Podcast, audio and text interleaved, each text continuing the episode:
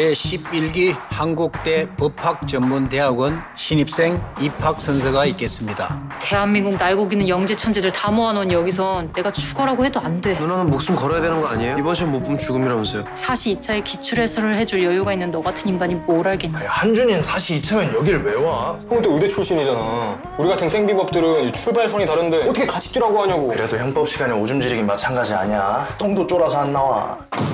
양정원이다. 형법을 가르쳐. 2분 10초 전 똥머리 학생. 이 사건의 쟁점은? 네? 아, 그게 예습을 한다고 했는데 쟁점은? 아닌 것 같은데. 같은데요? 판결문에 유죄인 것 같은데요라고 쓸 건가? 내 사건을 수업 시간에 해주다니 영광이네. 서병주 전 검사장이 겸임 교수로 재직 중인 한국대 로스쿨에서 사체로 발견되었습니다. 충격뉴스! 서병주 교수님이 마약을 했대. 사무실이랑 차 안에서 필로폰이 발견됐다는데? 타살이라면 혹시 의심 가는 사람이라도 양 교수님 수업 시간에 악마긴 해도 살인만 절대 아니지. 확신할 수 있어요? 이번엔 전가요? 여기서 수업하실 적이 없어요. 서병주 교수요. 내 아버지한테 무슨 짓을 했는지 아냐고요. 진범 잡는다면 놓치지 말고 놀아나지도 말고. 당신은 서병주 살해 용자로 긴급 체포합니다. Sumpah sih, waktu gua nonton pertama kali drama ini, itu tuh sebenarnya storyline-nya unik. Ya nggak sih? Karena kayak berbau-bau hukum. Tapi walaupun di awalnya gue sempat rada bosen, karena dia lebih ke apa ya teori gitu nggak sih teori hukum banget tapi lama-lama menarik sampai ending ya yang membuat lu bosen itu sebenarnya memang purely karena lu kagak suka teorinya Mm -hmm. atau di jalan cerita di awal memang gak asik Hmm, lebih ke memperkenalkan ininya aja sih. Sebenarnya kan siapa-siapanya gitu kan Hmm. karakternya. Terus tapi ya belum ada gongnya gitu loh sampai di episode berapa-berapa kan kita case-nya ternyata nih panjang banget kan. Bener. Walaupun gue sempat gini loh pak, kok eh, di episode 1 sama 2 udah ada kasus nih Mm-mm. yang si So Byung Ju dibunuh kan. Bener. Lah, terus gue kayak mikir, lah gimana ini masa eh, ke belakangnya akan membahas ini terus secara panjang apa nggak bosen gitu loh. Hmm. Tapi ternyata enggak sih karena kasus ini tuh berkaitan satu sama lain Iya, dan di jadi tengah-tengahnya ada kasus-kasus lain kan iya ternyata dan kan. jadi kayak apa ya? eh, suatu terobosan bagi Hmm. kasus lain sehingga kita tahu dalangnya tuh siapa gitu loh bener sebenarnya. bener bener dan ternyata kasus-kasusnya tuh satu sama lain maksudnya meskipun di tengah kita kan eh, ngalamin juga kasusnya Yesul terus ada kasusnya Jiho juga gitu kan dan ada kasusnya sebenarnya Juni kan juga kena kasus kan terus ada kasus ininya Seng Jae juga kasus apa hackingnya Seng Jae which is yang tadi kita lihat tuh awalnya kayak ini nih scatter gitu loh semuanya kayak bertebaran di mana gitu iya kayak kan. pecah-pecah Iya, gitu kayak benar. kok seakan-akan tidak saling berhubungan satu sama lain tapi ternyata ujung-ujungnya ya yang dalang dari semuanya tuh ya si satu orang itu which is siapa namanya si itu calon presiden itu Go Hyung Soo. assemblyman itu kan Iya, iya, pokoknya ini lah itu Mm-mm. ya it- si akhirnya dia gitu kan ternyata padahal kan di awal-awal kita tuh kayak Nggak dikasih lihat ada sekali? ada berapa kali dia Tapi muncul nggak yang core gitu loh. Mm-mm, berapa kali memang gue sudah penasaran dengan sosok dia ini karena dia tuh seakan-akan kok bisa menekan si kepala sekolahnya ini loh. Hmm, Ah, namanya bukan kepala sekolah kayaknya ya. dekan ya? Enggak, kalau atau, dekan kan yang cewek. eh, kayak presiden kepala ininya lah kampus Hankuknya kan? Iya, kayak itunya Lebih cuma gitu sih. istilahnya apa pokoknya ininya Ya, pokoknya presidennya lah. presiden university-nya Presidennya, ya lah. presiden university-nya tuh kayak nama kampus ya presiden university. ya dia tuh kayak bisa neken terus. Awalnya gue pikir tuh cuma karena dia adalah donatur terbesar biasanya kan Betul selalu betul, gitu ya. gue juga sempat berpikir kayak gitu awalnya. Selalu kan gitu kan. Pokoknya donatur terbesar eh, terus kalau misalkan donasinya dari orang yang terpandang, kayak di Taiwan Class juga kita ngelihat seperti itu si ini kan Jangga itu kan. Ya kan juga donatur yang cukup besar dan orang terpandang gitu di sekolah itulah gitu anggapannya. Nah, gue pikir cuma gitu doang terus lama-lama kok semakin lama dia semakin sepertinya terus menekan supaya si Profesor yang Krates ini kan untuk didakwa kalau dia tuh pelakunya udah nggak usah dipanjang-panjangin lah dia pelakunya dan yang gua nggak suka tuh adalah ini kampus hukum, Hukum. tapi belum dijadiin tersangka masih tersangka ini kan Iya. belum didakwa sebagai pelaku yang Pelaku, sebenarnya ah, tapi ah. udah langsung di Judge gitu ya. Bukan dijudge tapi langsung udah dilepas dicopot dari jabatannya Oh, ah, langsung nggak boleh mimpin Ngajar, kan? nggak boleh ngajar nggak boleh ngasih ujian segala macam tapi gue mikirnya kayak ini sekolah hukum kayak nggak ngasih contoh gitu loh kalau ada yang namanya praduga tak bersalah, gitu iya. yang Sedangkan cuma asumsi doang kan Mm-mm, sebetulnya. nah itu tuh yang gue bingung di awal kenapa kok si assemblyman ini tuh bener-bener powerful banget gitu loh sampai dia bisa menekan sekolah hukum yang kita tahu itu tuh bergengsi sekali si Hanguk ini kan. Itu sih yang gue awalnya eh, agak bingung maksudnya si karakter ini tuh sebenarnya siapa. Dan ternyata kan sampai terakhir dia core utama dari semua permasalahan yang ada di study group ini ya. Karena khususnya di study grupnya Kang Sol ini kan. Iya. Tapi ngomongin tadi lo kan sempat ngomongin yang Krates itu sempat dituduhkan. Nah di awal juga kita tuh kayak satu-satu eh, ya bisa aja sih kayaknya dia pembunuhnya gitu. Tapi Mm-mm. nanti dikasih lagi facts tentang Han Jun Hui gitu. Tapi bisa juga dia jadi pembunuhnya gitu. Terus Solbi terus semua tuh kayak punya posibilitas untuk Dikasih bisa motif ah, gitu ah, kan. bunuh si So Byung Ju gitu. Sehingga pas di awal kita kayak apa siapa ya? Gue aja sempat ngira kayaknya Jiho deh yang bunuh gitu. Terus kayak tapi kayak bukan deh. Iya. Terus kayak ke sini lagi tapi nggak nggak nggak sampai kepikiran kalau misalnya dalangnya tuh sebenarnya si Go Hyung Soo itu sih. Kalau si Jaksa Jin kan emang kayaknya udah kelihatan ada sesuatu nih sama yang Krates kan. Kayaknya dia tuh ujuk-ujuk pengen pokoknya lo harus jadi tersangka gitu loh didakwa buktinya juga nggak yang apa ya dihilangkan sebagian atau nggak dicek sebagian gitu jadi di awal tuh kita kayak di plotting untuk semuanya tuh bisa jadi pembunuhnya gitu kan yang seakan-akan semuanya tuh gimana ya kayak punya motif gitu Uh-uh. terhadap So Byung Ju yang di awal gua nggak gua nggak bilang di awal banget sih tapi kesannya si So Byung Ju nih terlihat sepertinya kayak musuh ya bukan musuh kayak awalnya tuh malah terkesan kok dia sebenarnya tuh orang yang teladan Oh, terus jadi panutan. contoh di apa ranah hukum tuh dia Betul, jadi betul. contoh gitu loh sebenarnya bahkan si yang Krates itu kan sebenarnya eh, mengidolai So Byung Ju gitu kan Mm-mm, awalnya kan. Mm-mm, terus tapi kok ternyata begitu ditarik eh, banyak ke belakang kasusnya kok dia punya masalah banyak banget gitu kan sama Junhee ternyata juga hubungannya awalnya hubungannya baik tapi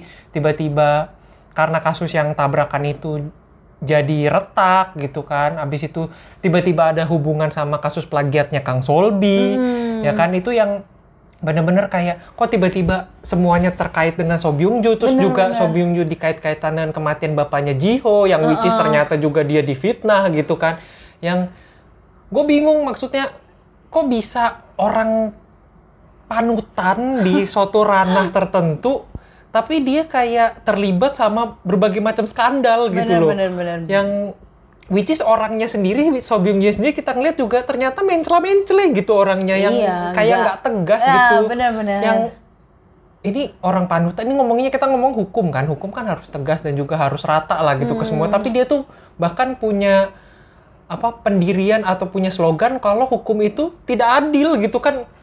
Gue mikir kok agak kontradiktif ya sosok ini? Makanya gue bingung sam banget sama sosok ini yang which is jadi korban tapi juga jadi anggapannya kayak korban yang dijadi-jadiin gitu loh ya kan yang kayak korban di ngadi-ngadiin cuma Ngadi-ngadi, buat ah.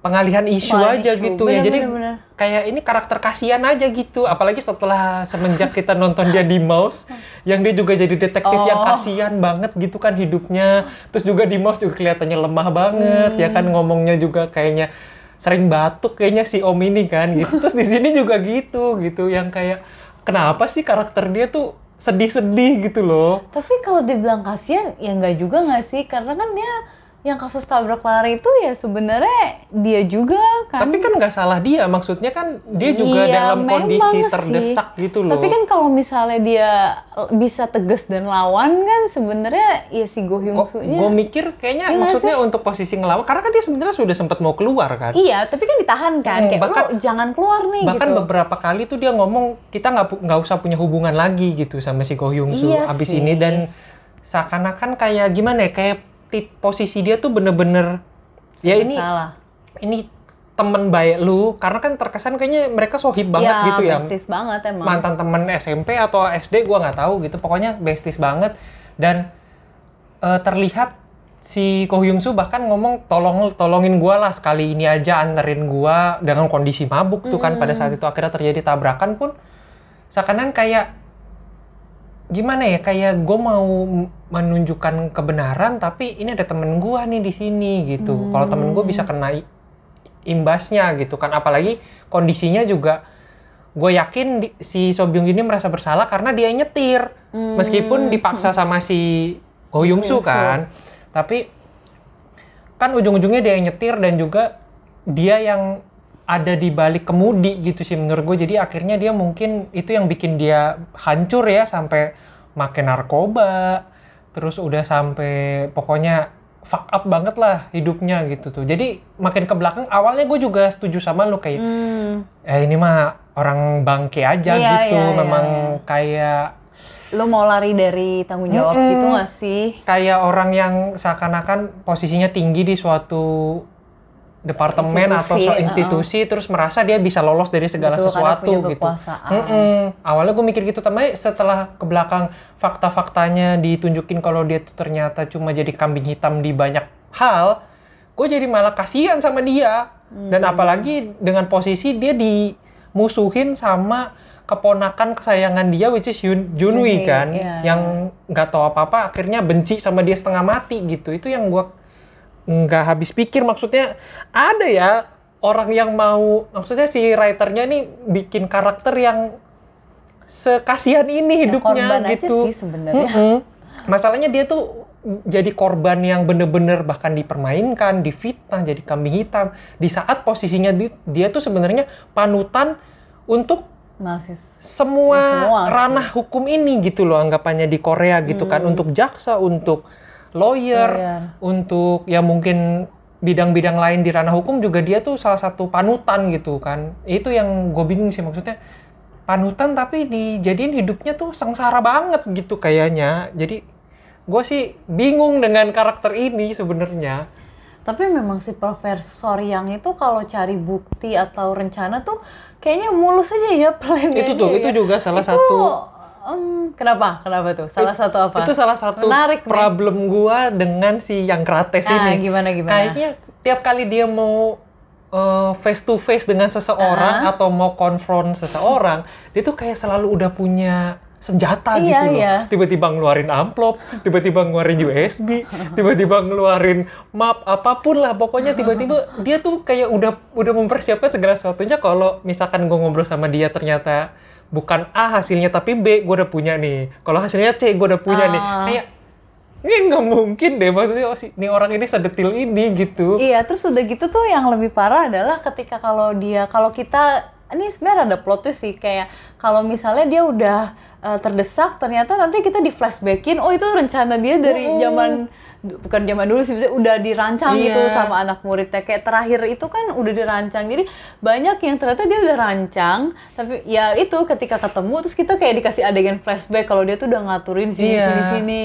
Dia terlihat dibuat terlalu menurut gua ya. Sempurna ya? Bukan Enggak. sempurna terlalu Apa overpower menurut gua yang Karena kayak bisa semua. Bisa sem ya bahkan dia udah dijadiin tahanan, sempet uh. kan tahanan ini pada saat jadi tersangka itu uh. tinggal nunggu keputusan akhir, dia kan sempat jadi tahanan tinggal di penjara. Itu juga santuy-santuy aja, masih ngasih nilai di ujian. Iya, iya, ya kan iya. yang kayak dia tuh sebegitu yakinnya semua rencana dia tuh bakal berjalan mulus itu yang menurut gue nih OP banget nih orang nih overpower banget gitu kayak terlalu kemampuannya tuh seakan-akan terlalu berlebihan gitu. Padahal kalau ngomongin overpower, gue juga agak berkendala dengan Junwi ya. Hmm. Sebenarnya. Oh iya iya sama uh, sih. Tapi sebelum kita lari ke Junwi, kita selesaikan dulu soal yang krates hmm. ini karena kan sebenarnya problem kita soal yang krates bukan cuma masalah overpower uh. atau ah. dia ter terlihat terlalu sempurna ini uh. kan, ah. tapi juga rambutnya. Oh iya, itu saya sangat emosi ya, pengen saya gunting boleh nggak tuh? Jadi setiap ada scene di mana angle-nya dia itu di depan muka kan rambutnya agak kayak mencuat ya gitu ya ke kanan dan ke kiri jadi gitu. kayak rasanya pengen gue gres gitu iya loh, itu gunting. kayak kenapa sih maksudnya kenapa harus ada rambut mencuat ke samping gitu loh maksudnya kalau lu mau gondrongin ya gondrongin ke bawah aja, gitu terus sama problem gue sama dia adalah dia tuh suka meng apa ya mendominasi suatu sidang yang which is sebenarnya kalau di dunia nyata kayaknya nggak bisa Hmm, gitu loh dan bener. itu menurut gue adalah adegan yang ya probably agak kurang make sense ya Hmm, apalagi lo bener. dalam ranah sidang yang ada hakim maksudnya itu serius gitu kan Hmm. tapi dia bisa tiba-tiba Datang jadi saksi itu datang kan. jadi saksi satu terus tiba-tiba datang jadi korban yang terakhir-terakhir Iya. terus tiba-tiba saya nggak mau lagi eh, bela Yesul gitu kan terus tiba-tiba dia yang kondak atau ngelit si sidang itu gitu Iya, jadi iya, kayak iya, iya. menurut gue ini orang apaan sih Terus paling- mendominasi banget gitu loh Yang paling aneh, lu merasa gak sih aneh yang pada sidangnya Yesul Uh-uh. pada saat dia, dia dia masih ini yang apa si juri-juri itu sepertinya bingung dengan satu istilah. Ah, ah, Habis ah, itu hakimnya tuh ngelihat dia, lu bisa nih nggak jelasin dengan cara yang lebih mudah. Iya, iya. Lalu gimana? Hakimnya kok nggak kompeten banget Iya, gitu. iya. Gue merasanya kayak bukannya tugasnya ngejelasin ke para juri ini tuh ya tugasnya hakim gitu Iya. atau ada staf ahli lah gitu Iya, lu taruh. iya. Kenapa lu suruh si profesor yang rates Iya, yang which is dia lagi ngebelain korban Iya, gitu kan. Kan makanya. takutnya nanti diarahin Iya, gitu kan supaya bias menguntungkan kan. Yesul Betul, gitu. betul. Jadi- yang gue kenapa ini agak aneh ya. Tapi ya Heeh. terlepas dari semua itu maksudnya itu kan teknis ya. Maksudnya teknis-teknisnya kita juga tidak tahu sebenarnya di dunia aslinya Iya seperti sih, apa cuma gitu. kayak Cuma menurut gua, menurut iya, kita secara logika kita kok kayaknya dia mau ngelakuin apa aja tuh bebas gitu. Iya, iya, iya, Ya itu kan? kayak- Hidupnya bebas banget. Kok lu boleh banget ngapa-ngapain gitu, even di ranah lagi sidang serius gitu Mm-mm. kan. Yang kayak kok santuy banget geser-geser meja juga Iya, kagak iya. dika- kagak dikomplain, nggak dikasih warning gitu. Itu yang eh, agak mencurigakan sih. Tapi terlepas dari itu sebenarnya yang Krates ini kan adalah penyelamat di segala situasi Iya gitu benar-benar. kan. Akhirnya gue merasa gila nih orang Dan sih. lu jadi idola li- jadi idola, lu banget ya. yang karate setelah kayak episode-episode akhir mungkin setelah ini deh sidangnya Yesul deh kayaknya selesai. Sidangnya Yesus sih bener-bener eh, itu juga. Itu juga Di mana ya. dia, Kasus yang dia luar tiba-tiba yang lu bilang tadi kayak dia udah nggak mau ngebelain Yesus lagi, Yesus harus, harus ngebela dirinya sendiri. Terus kayak lagi di kelas, Iya. ya kan, lagi ujian lisan gitu loh, kayak lagi oral test yang kayak ditanya, jadi Yesus harusnya lu gimana? Kalau ini harusnya apa yang Iya lu lakukan? kan, Yang kayak, dia yang ngelit gitu loh. Padahal ya nggak tahu ya di dunia dunia nyata kan harusnya lebih ke mungkin JPU atau Mm-mm. hakim gitu. Kenapa nih orang yang tiba-tiba lu sotoy banget? Meskipun gue gitu. yakin sih, maksudnya gue merasa sih si yang Krates ini yakin banget sama kemampuan siswa-siswanya gitu lah. betul. Makanya dia berani kan nembakin Yesus langsung di depannya Yesus ngomong, Iya. lu harus ngomong sendiri gitu dan lu lu dia yakin banget Yesus tuh sebenarnya punya jawabannya gitu dan tahu harus ngomong apa, harus berbuat apa tuh tahu cuma takut gitu. Makanya dia berlindung di belakangnya Kang Sol sama di belakangnya Profesor Yang gitu kan. Cuma ya secara ininya aja sih plot dan teknisnya aja yang membuat kita jadi ragu gitu. Sebenarnya di dunia nyata tuh hal seperti ini mungkin terjadi nggak sih Mm-mm, gitu kan? Lebih ke itu sih. Nah, jadi kita mau lanjut ngomongin Junhui dulu atau kasusnya Yesul? Ini menarik karena kasusnya Yesul ini agak panjang, ya.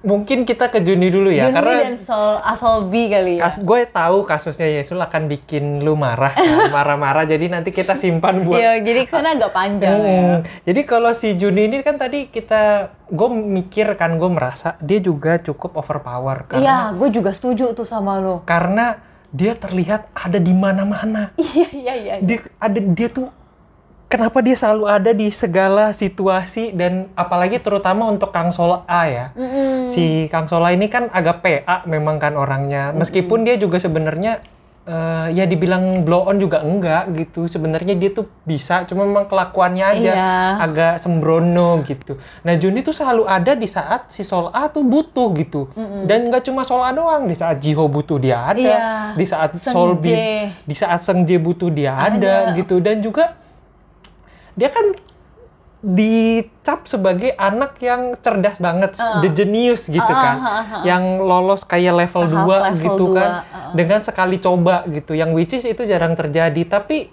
dengan dia ada di semua tempat dan juga nolongin teman-temannya terus, gua nggak merasa dia punya waktu buat belajar sendiri gitu loh. Kayak ini kapan belajarnya? Kenapa dia bisa sepinter itu? Dan si Sol A pun ngomong kan, Uh. kalau si Junhui dan sama Seng Jae itu adalah dua orang yang ngapalin semua butir-butir dan pasal-pasal di buku hukum gitu. Hmm. Maksudnya kapan dia punya waktu untuk itu kalau dia sibuk dengan ngurusin urusan temen-temennya gitu loh. Nah ngomongin Junhui ya, uh, selain yang tadi lu bilang overpower, kalau gue merasa dia tuh overpowernya gini pak, karena dia juga sama bisa ngumpulin bukti-bukti gitu gak sih? Mm-hmm. Nemu aja sama kayak profesor yang ya, gitu karena loh. dia sebenarnya kalau kita lihat dari sisi lain ya, Junhui ini kelihatannya cuma nosi aja gak sih orangnya? Iya kepo ya. Ya kepo terus kalau ngomong sote juga enggak karena kata-kata dia selalu benar ya, selalu gitu. ada dasarnya mm -mm. sih. Tapi ya kepo banget gitu. Maksudnya dia ngurusin urusan temen-temennya which is ngebantuin cari dokumen. Yeah. Terus tiba-tiba memberikan solusi terutama paling banyak itu ke soal A gitu kan di saat soal A buntu dia pancing-pancing, pancing-pancing sampai soal nemu jawabannya sendiri. Terus kayak gue mikir, ya itu tadi kayak kok dia sepertinya 24 jam tuh nggak cukup buat dia untuk bisa sepinter ini gitu kayaknya karena sibuk ngurusin temen-temennya aja. Iya sih, bener-bener. Nah, ini gue ada pertanyaan pamungkas ya. Ba gue baca di beberapa kolom komen banyak yang bil banyak yang kecewa karena kenapa sih nggak ada uh, romance scenes antara Han Junwi sama Kang So A, Kang So B? Kenapa nggak dibikin love triangle? Kalau gue personal, gue sebenarnya nggak setuju kalau dibikin love line gitu. Ini tuh udah bagus iya, banget iya, iya. gitu ya. Nah kalau lu gimana? Gue juga nggak setuju di mana uh, Junhui itu punya romance, terutama terutama sama Kang Sol A. Mm -mm. Karena gue nggak merasa posisi mereka itu adalah posisi orang yang sedang jatuh cinta, jatuh cinta, ya gitu ya. maksudnya. Tapi memang banyak orang yang percaya kalau sebenarnya perhatian Junhi ke Sol A itu adalah bukti cintanya dia, which is gue nggak percaya, malah gue lebih merasa, kayak... gue lebih merasa Junhi itu sebenarnya punya rasanya sama Solbi Ah. nggak tahu kenapa, mm-hmm. which is dia sama Sol A itu ya seperti lagi ngejagain ade, ade aja iya, gitu. Iya, gue juga lebih ngerasa yang kayak gitu justru. Posisi di mana si Sol A itu butuh ya dia ada di sini ya, ya kayak besties, best friend Bener-bener gitu. best friend aja Mm-hmm. sih yang ngebelain satu sama lain ya kalau Bener. menurut gue. Tapi kalau ke Solbi tuh gue merasa ada sisi-sisi awkward gitu loh antara si Solbi dengan si Juni. Memang Solbi Solbi juga kayak anjing Kaku. ya, kan, kakunya. Itu maksudnya dia juga kaku banget, pendiam banget dan ketus banget, jutek banget nih orang Iya, gitu parah. kan.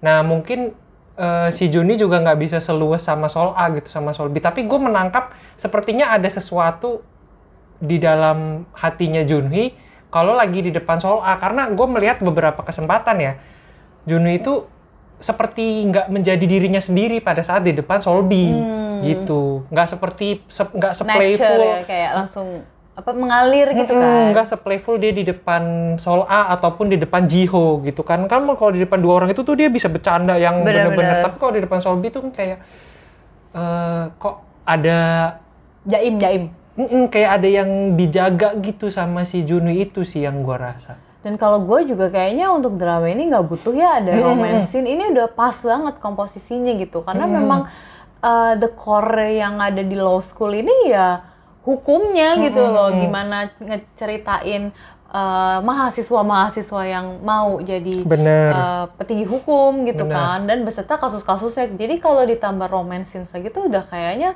nggak relevan kalau iya. menurut gue. Jadi Iya. ngadi-ngadi. Karena kalau ada romansin takutnya eh, takutnya itu kayak jadinya fokus ke hubungan mereka gitu kan.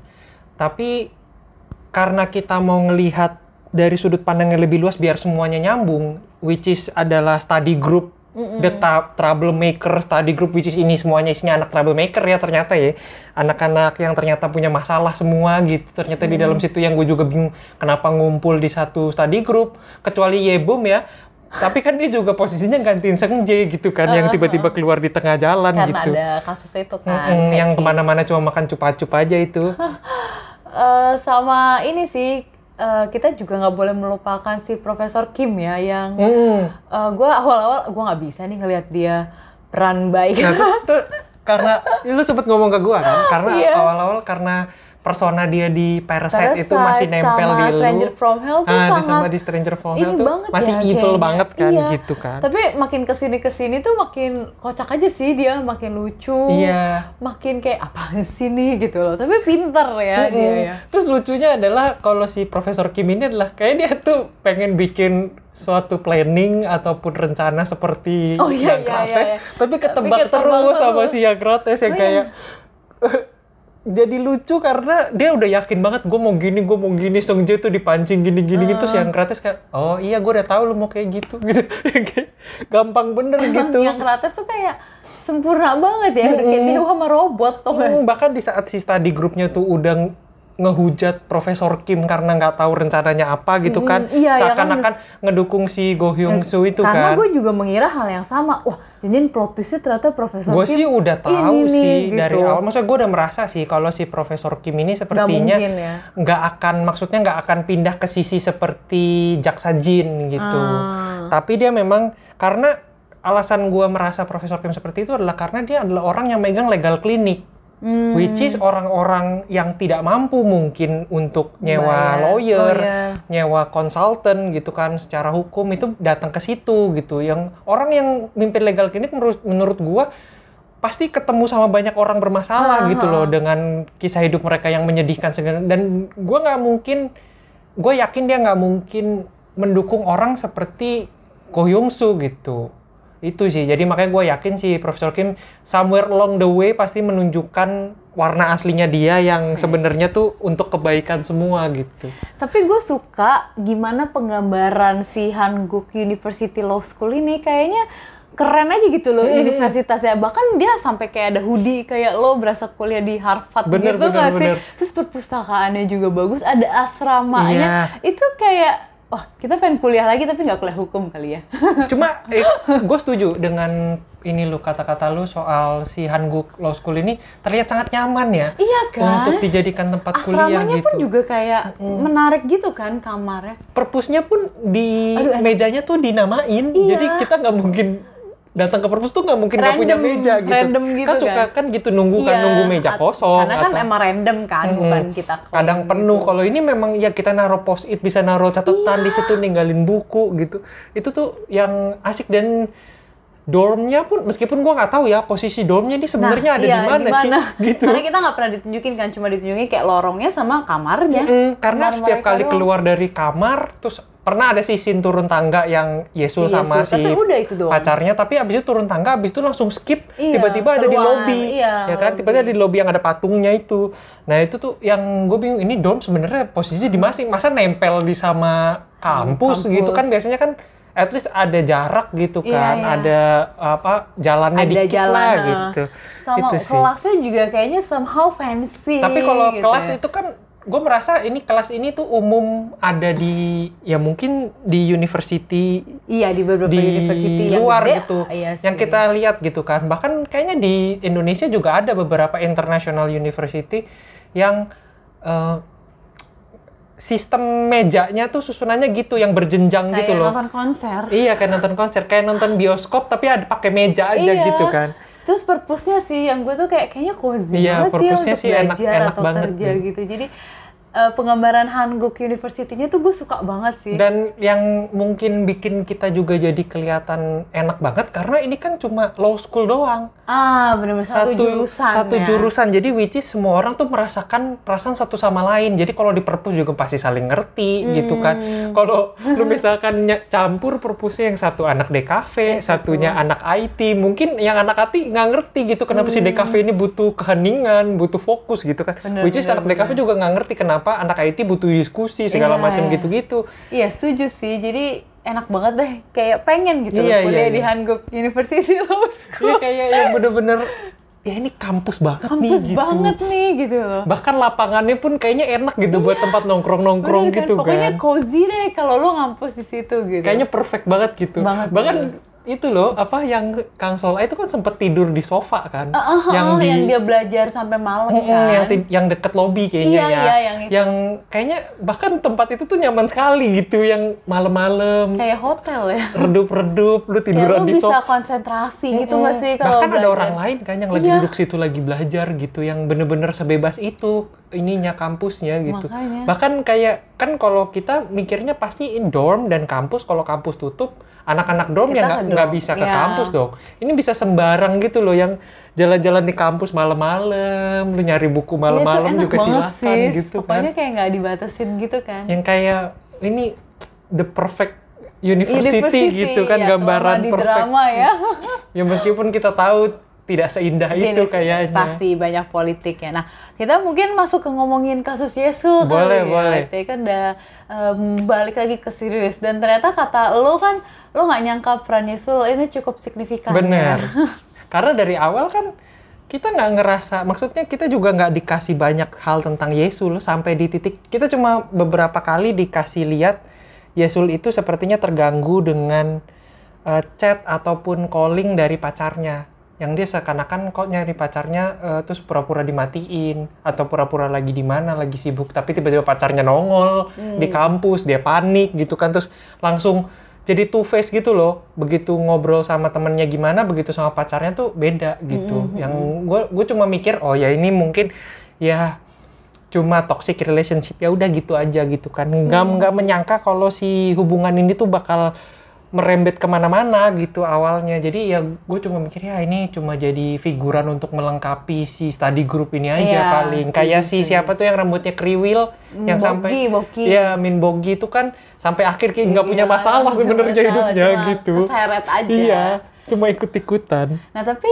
kalau di kasus Yesus emang cowoknya tuh bangsat banget ya. Siapa? Si Goyong Chang ini kan. Iya benar. Nah, tapi gue tuh gemesnya sama Yesus waktu di persidangan kayak lu ngerti gak sih kenapa lu masih kayak berasa bersalah, lu nggak mau nuntut dia, lu nggak mau buat itu gue gemes banget kayak udah sih lo udah dibantuin teman-teman lo tinggal nuntut aja elah hmm, gitu loh. Gue sih bisa mengerti perasaan Kenapa? Yesus. Gue nggak ngerti soalnya. Karena karena ya, gue yakin orang seperti lu tidak akan pernah terjebak di hubungan seperti Yesus gitu. Kesel gue. Uh, gue gue sangat paham posisinya Yesus karena mungkin ya gue juga udah pernah melihat beberapa kasus seperti itu di dunia nyata gitu, which is toxic relationship hmm. gitu kan, di mana uh, ceweknya itu sangat submisif sekali dan dia ada di posisi yang lemah gitu anggapannya, hmm. jadi memang dikontrol sama si uh, lelaki atas dasar cinta gitu hmm. memang. Nah karena kalau sudah atas dasar cinta ini semua yang dilakukan si lelaki itu akan terasa benar gitu, hmm. meskipun salah gitu. Makanya kan Yesus di berkali-kali soal ngomong ini tuh bukan cinta gitu. Kalau cinta dia nggak akan nyakitin lu.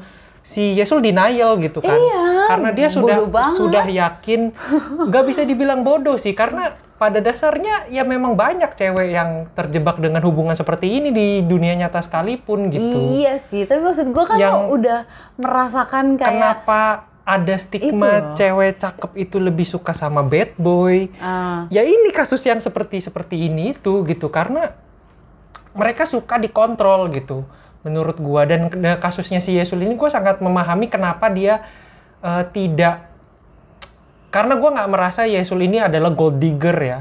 Enggak nggak kelihatan enggak. sama sekali dan nggak digambarkan ke arah sana uh -uh. gitu kan. Yang dia dia tuh nggak nyari, nggak suka Matre. sama si Yong Chang ini karena kekuasaan yang dimiliki si ayahnya gitu atau nyari duitnya gitu kan.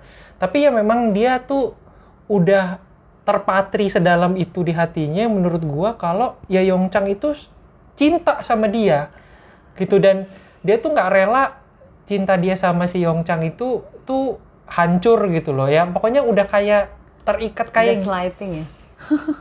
Nggak di gaslighting sih menurut gua karena ya bisa juga di, di uh, gaslighting tapi ya pokoknya si Yang Chang ini kan selalu mencari pembenaran atas sikap yang mukulin, yang ya abusif hmm, ya. Abis itu di pura-pura dibawa ke dokter, terus akan-akan khawatir ya kan. Ya. Nah makanya kondisi menurut gua kon, karena kondisinya Yesul ini sudah berlangsung lama, even sebelum dia ketemu teman-teman tadi iya grupnya sih, itu. Bener-bener. Makanya kayaknya udah kayak anjing peliharaan yang udah nempel banget sama majikannya meskipun majikannya kasar gitu loh. Hmm. Jadi begitu teman-teman lu yang lu baru ketemu pas kuliah ngomong ini lu salah ini, lu nggak bisa denger lagi gitu. Oh, udah buta ya Mm -mm. Cuman udah yang, bucin ya, banget. Gimana? Gue nggak habis pikir lu udah tahu cowok lu suka mukulin lu, udah nginjek-nginjek lu, jambak-jambak lu ngerekam secara ilegal lah ya itu jatuhnya kan, mm -mm. karena tanpa konsen dua-duanya. Tapi lu kayak merasa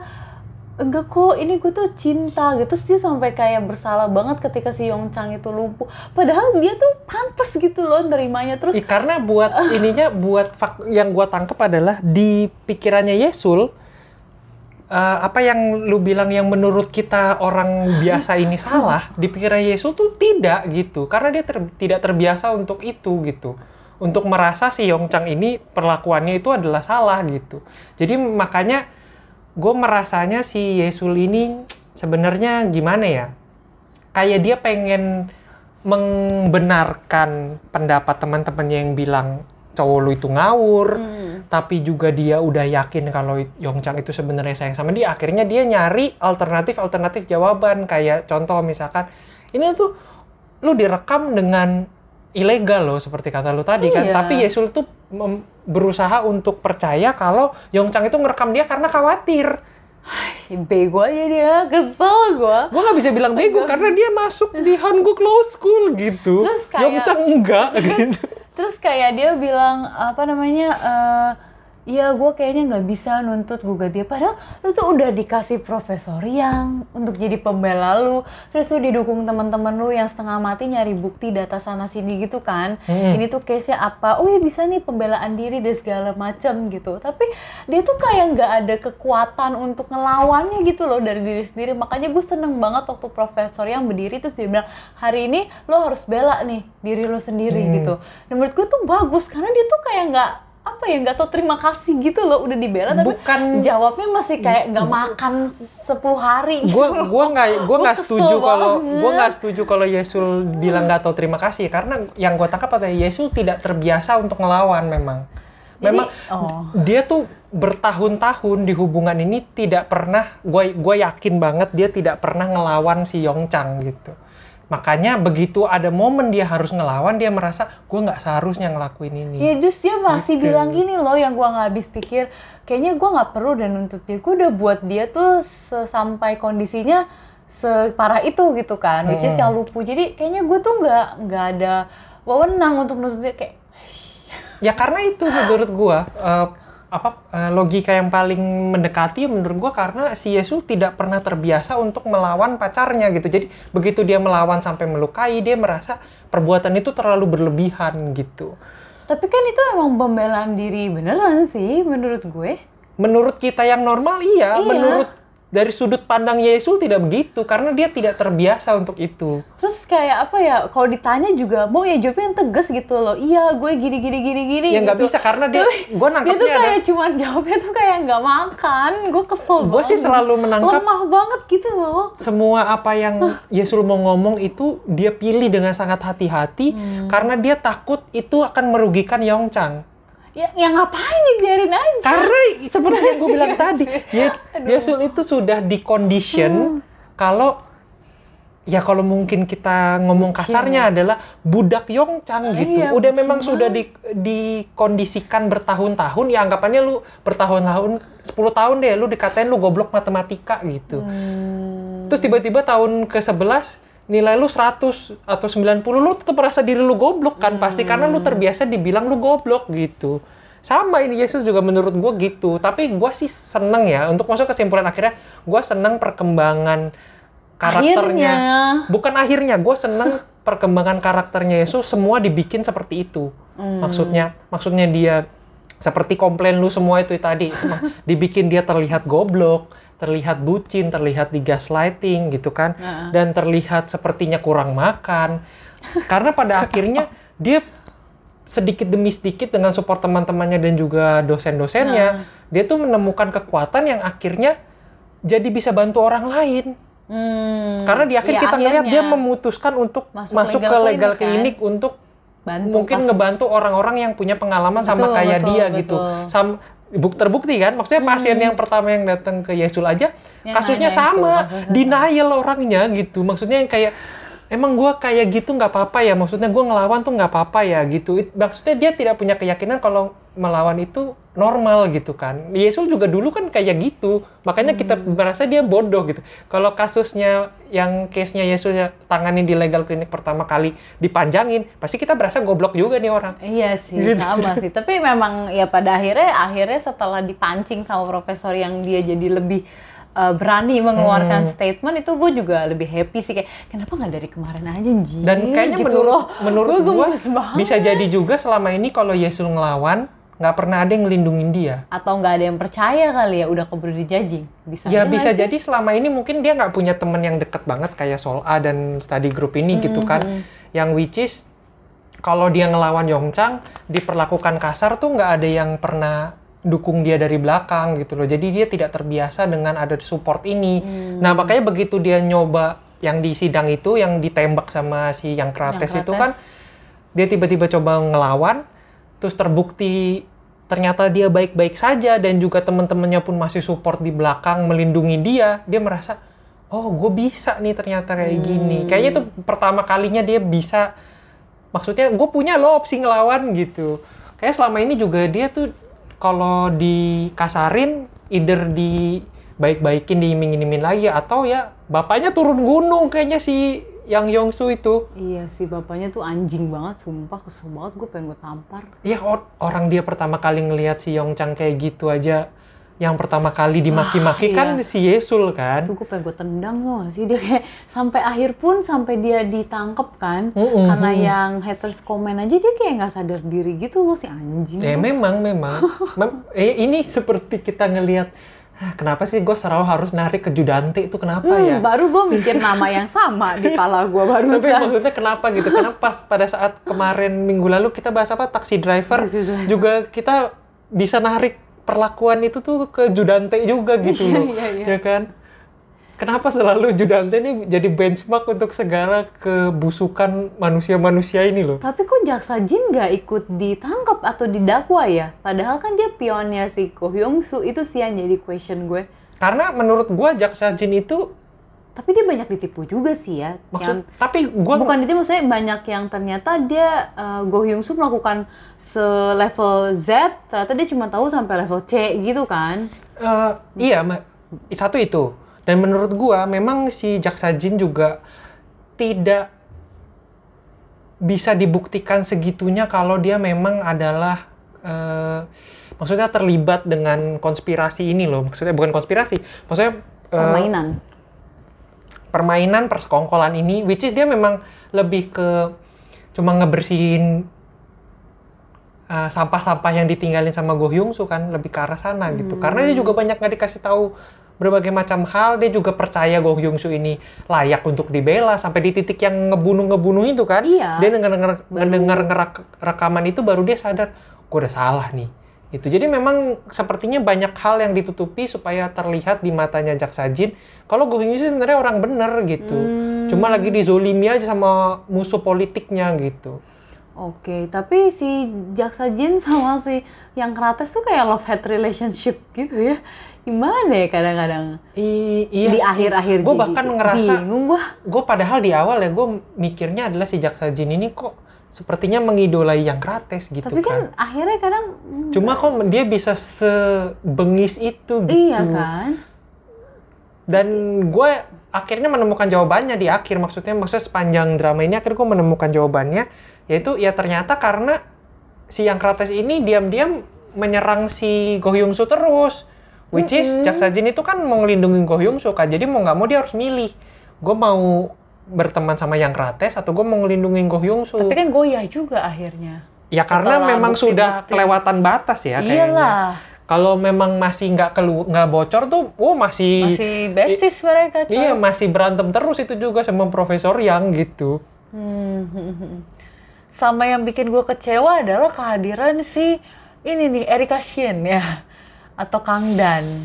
Itu Aduh, kok ngomongin Erika Shin gimana ya? Itu tuh menurut gue jadi salah satu flop di Hmm, drama, drama ini, ini. gitu. Awalnya gue pikir plot twist, oh ternyata Kang Sol A selama ini adalah Kang Dan, jadi oh satu enggak, orang. Kalau gue yakin tidak Ternyata itu. beneran kakak kan eh, kak, ih, kakak kembarnya, kakak Hmm. kandungnya, tapi oh gitu doang. Gitu loh, ngerti Eh, nggak sih pas iya, dia gua- muncul? gua menunggu. Jadi gue udah nunggu gitu Gue loh. menunggu-nunggu sosok Kang Dan ini keluar karena kan seakan-akan si yang Krates dan juga gitu Go ya. Hyung Soo ini kan selalu khawatir dan juga mencari-cari keberadaan Kang Dan gitu kan. Mm. Dan gue yakin maksudnya teori lu itu tidak benar yang soal si Kang Sol A dengan Kang Dan itu adalah Satu satu orang karena saat yang Krates ngurusin bukan Kak, di, masih dulu banget ini pada saat yang uh, Oh. Kang Sol itu masuk ke juvenile itu uh, itu kan pada saat dia ngurusin Kang Sol A, di sisi lain dia juga udah kenal Kang Dan pada saat itu. Oh, Masa iya, dia nggak iya. tahu yang di depan dia Kang Dan, Iya, gitu iya, kan? iya. Jadi memang dia, gue yakin ini adalah orang berbeda karena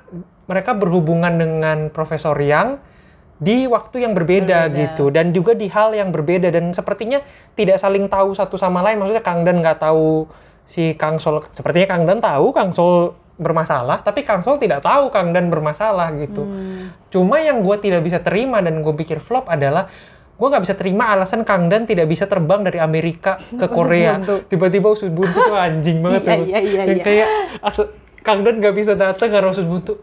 Langsung kayak zong gitu. Kayak lu ini nggak ada alasan yang ini lebih PHP PHP paling sampah sih menurut ini nggak ada alasan yang lebih oke dikit gitu ya dari Riser. Tiba-tiba usus buntu terus tapi maksudnya beberapa minggu kemudian kayaknya lu bisa dateng gitu. Iya, iya, itu iya itu juga menurut gue dan kehadirannya tuh seiprit dong ya gue udah menduga tadinya oh, mungkin dari episode 14 gitu ternyata Mm-mm. enggak ya cuman Dan banget ya memang fakta kehadiran Kang Dan ini memang cuma jadi kunci untuk menentukan Gohyu- putusan hakim yang putusan apa untuk Go Gohyung Hyung Soo Soo aja kan. doang gitu kan. iya sama rambutnya Kang Dan juga kelihatan banget palsunya ya Iya, iya, iya. kalau dilihat tuh eh, apa ya beda gitu loh nggak nggak natural aja jadi Mm-mm. gue agak greget sih sama Makanya gue agak kesel dengan endingnya itu satu, satunya lagi endingnya yang, Yang gue kurang suka adalah tidak adanya closure untuk eh, terutama di study group ini untuk an siswa-siswa di study group kecuali Kang Sol A dan juga Junwi Junwi. sama. Gue juga exactly mikir the same thing. Kok cuman mereka berdua? Gue udah nunggu Solbi tuh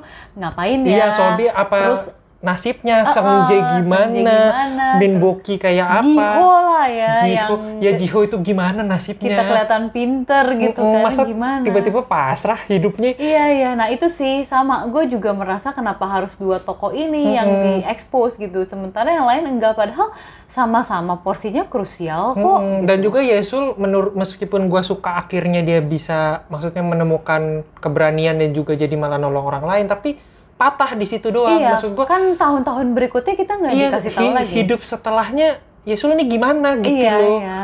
yang terlalu banyak yang akhirnya gue mikir kayak ini jadiin 20 aja deh gitu. Atau jadiin 18 lah gitu. Yang jarang nih gue merasa drama yang gue justru merasa butuh episode tambahan gitu at least hanya untuk menunjukkan closure terutama Kang Solbi sih gua. Iya, gue terutama Solbi bener karena kan dia juga cukup eh, main case ya, maksudnya Mm-mm. peran yang sangat penting. Nah, apakah dia tuh jadi dia cuma diekspos ini deh psiko apa lagi di Iya, psikologi sama kita nggak orang tahu tua, tapi apa setelah hasil itu? akhirnya gitu Eh, loh apakah maksudnya. dia jadi pengacara atau jadi Bener. hakim seperti cita-cita mamanya yang mulutnya kayak sampah itu? Atau apa nih gitu loh? Nah. Jiho juga kasus bapaknya. Ji- Jiho kita juga nggak tahu jadi Gimana, apa terus sekarang. jadi apa? Kan dia juga punya cita-cita kan? Dia jadi apa nih cita-cita Mm-mm. yang dari anak kampus jadi bener-bener real orang kita Bener. nggak tahu sih Sengje juga kita nggak tahu apa dia jadi dokter lagi atau Apa- enggak Ya, eh, atau betul. sekarang jadi apa jadi atau anaknya udah lahir macam mana jadi mancing aja gitu Iya, kan kita kita, juga nggak tahu terus dikasih Min tahu. Boki yang kehidupannya serba luntang lantung nggak jelas kita juga nggak tahu gitu iya. even Yebum pun gue penasaran apakah sama. dia jadi youtuber gitu kan udah nggak ngelanjutin hukumnya lagi karena sepertinya dia tidak bisa pintar itu gitu sebenarnya Iya, itu sih yang gue sayangin sama banget poin yang kita diskusi hari ini tuh pas gue lihat gue agak kecewa aja sih terus kayak, Hah, udah nih berdua doang. iya iya makanya itu sih yang lain, terutama yang Solbi. sayang banget menurut gue di saat semuanya tuh sudah collab dengan baik eh study group yang selalu lu Yang bahas solid gitu yang ya. jadi uh, center of interest ini ternyata cuma dua gitu yang kita tahu nasibnya setelah maksudnya setelah mereka lulus tuh Hmm. Jadi mereka jadi ngapain oh. gitu kan terus buat apa yang lain selama ini kita nonton gitu jadi figuran aja kayak fokus aja ke Dua Sol. A sama Junwi gitu kan jadi itu sih yang gua agak Sayang gimana ya, Mm, sayang banget jadi Sayang kayaknya satu episode lagi kayaknya nggak apa-apa deh Pengemasannya agak sayang sih. tapi ya eh, karena tadi kita ngomong lu juga ngomong kan Solbi sebenarnya itu adalah salah satu karakter yang cukup vital gitu Iya, di sini iya. cuma kan kita sepanjang drama ya sepanjang 16 episode ini dikasih lihat kalau mamanya Solbi tuh kan bangsat ya. Aduh gila sih itu tante. Maksudnya lu, lu gimana gitu kalau lu punya mak kayak Solbi gitu.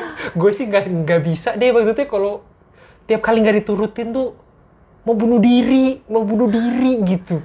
Makanya kan kayaknya Sobi lebih pilih tinggal di asrama aja Iya. sama nggak usah angkat telepon ya. Kayaknya lebih Mm-mm. better gitu Bahkan hidupnya. maknya tuh nggak setuju Solbi join study group itu yang Iya. kayak lah gimana sih kalau join study group kan malah dia bisa lebih memperluas jaringan gitu loh networking Mm-mm, gitu masa lu obsesinya- mengandalin networking bapak lu mulu Obsesinya berlebihan sih. Tadinya gue juga pikir bapaknya tuh agak sama kali ya sikapnya, tapi lebih berlogik sih. gue gue udah sadar bapaknya ini agak berbeda setelah memang dia satu-satunya yang tidak jadi jaksa Iya iya. jadi gue pikir ini pasti memang pola pikirnya lain nih cuma kayaknya istrinya memang kayak anjing kayak gitu bangsatnya itu tante-tante ya itu sih yang gue sayang sekali kita tidak melihat ya eh, terakhirnya si tante itu jadi apa iya, gitu so- maksudnya ya keluarga itulah secara keseluruhan, Mm-mm. keseluruhan karena apalagi kita udah dikasih tahu sama si psikolog resign. gitu kan kalau si tante ini tuh memang memperlakukan. Solbi tuh seperti anak kecil gitu jadi kita nggak tahu habis eh, apa konseling itu si tante itu berubah jadi apa gitu Heeh, loh sama seperti anaknya apa jadi apa aja gitu loh. Mm-mm. Gue penasaran banget dan itu sih makanya sih. terus sama paling terakhir gue bersyukur sekali ya akhirnya di akhir itu Yesul make upnya dibuat lebih cantik, lebih natural dibanding awal-awal Oh yang iya kayak pecun, kayak kayak mau ngejablay. Gue kesel banget itu Ya di kan awal. pacarnya dong itu pasti. Iya, aduh, lipstiknya tebel banget, Emang, merah banget. emang. Terus apa eh, bedaknya, Bedaknya, blush onnya, masya Allah. maskaranya Yang di yang di akhir meskipun agak pucat bodoh lah, lu lebih cakep gini gitu. Emang emang itu kan bal- ya ya itulah nanti panjang lagi kalau bahas Yesus. Pasti pasti Emang masih pengaruh- banyak yang mau lu bahas? enggak, Pasti pengaruh dari si lakinya itu tuh. Iya sih. Yang gua kesel yang ngomong laki. lu lebih cakep kayak gini, Itu lebih laki cakep pengen gua gitu. tendang tuh nggak sih? Gitu Kesel kan, banget. memang, memang. Tapi ini ya, yang lucu lagi adalah ternyata scene yang tadi kan gue sempat bilang ya, kalau Yebum ini makan cupa-cup terus gitu. Heeh. Ternyata cupa-cup yang kita lihat di sepanjang banyak episode itu di ending tuh punya peran penting gitu Hmm. untuk supaya Jiho tuh bisa nyogok si Yebum supaya gue yang kasih ini dong kalimat penutup, Kalimat penutup ya kan? yang pas di Ternyata- kompetisi sidang. kan. Mm-mm. Yang gue pikir, oh cupa-cup ini punya peran sevital ini ternyata gitu. Jadi kayak awalnya kan kita mikir ya ini orang makan permen aja gitu kan. Apa- Kebiasaan. ya apalagi asistennya Han Ji Pyong kan.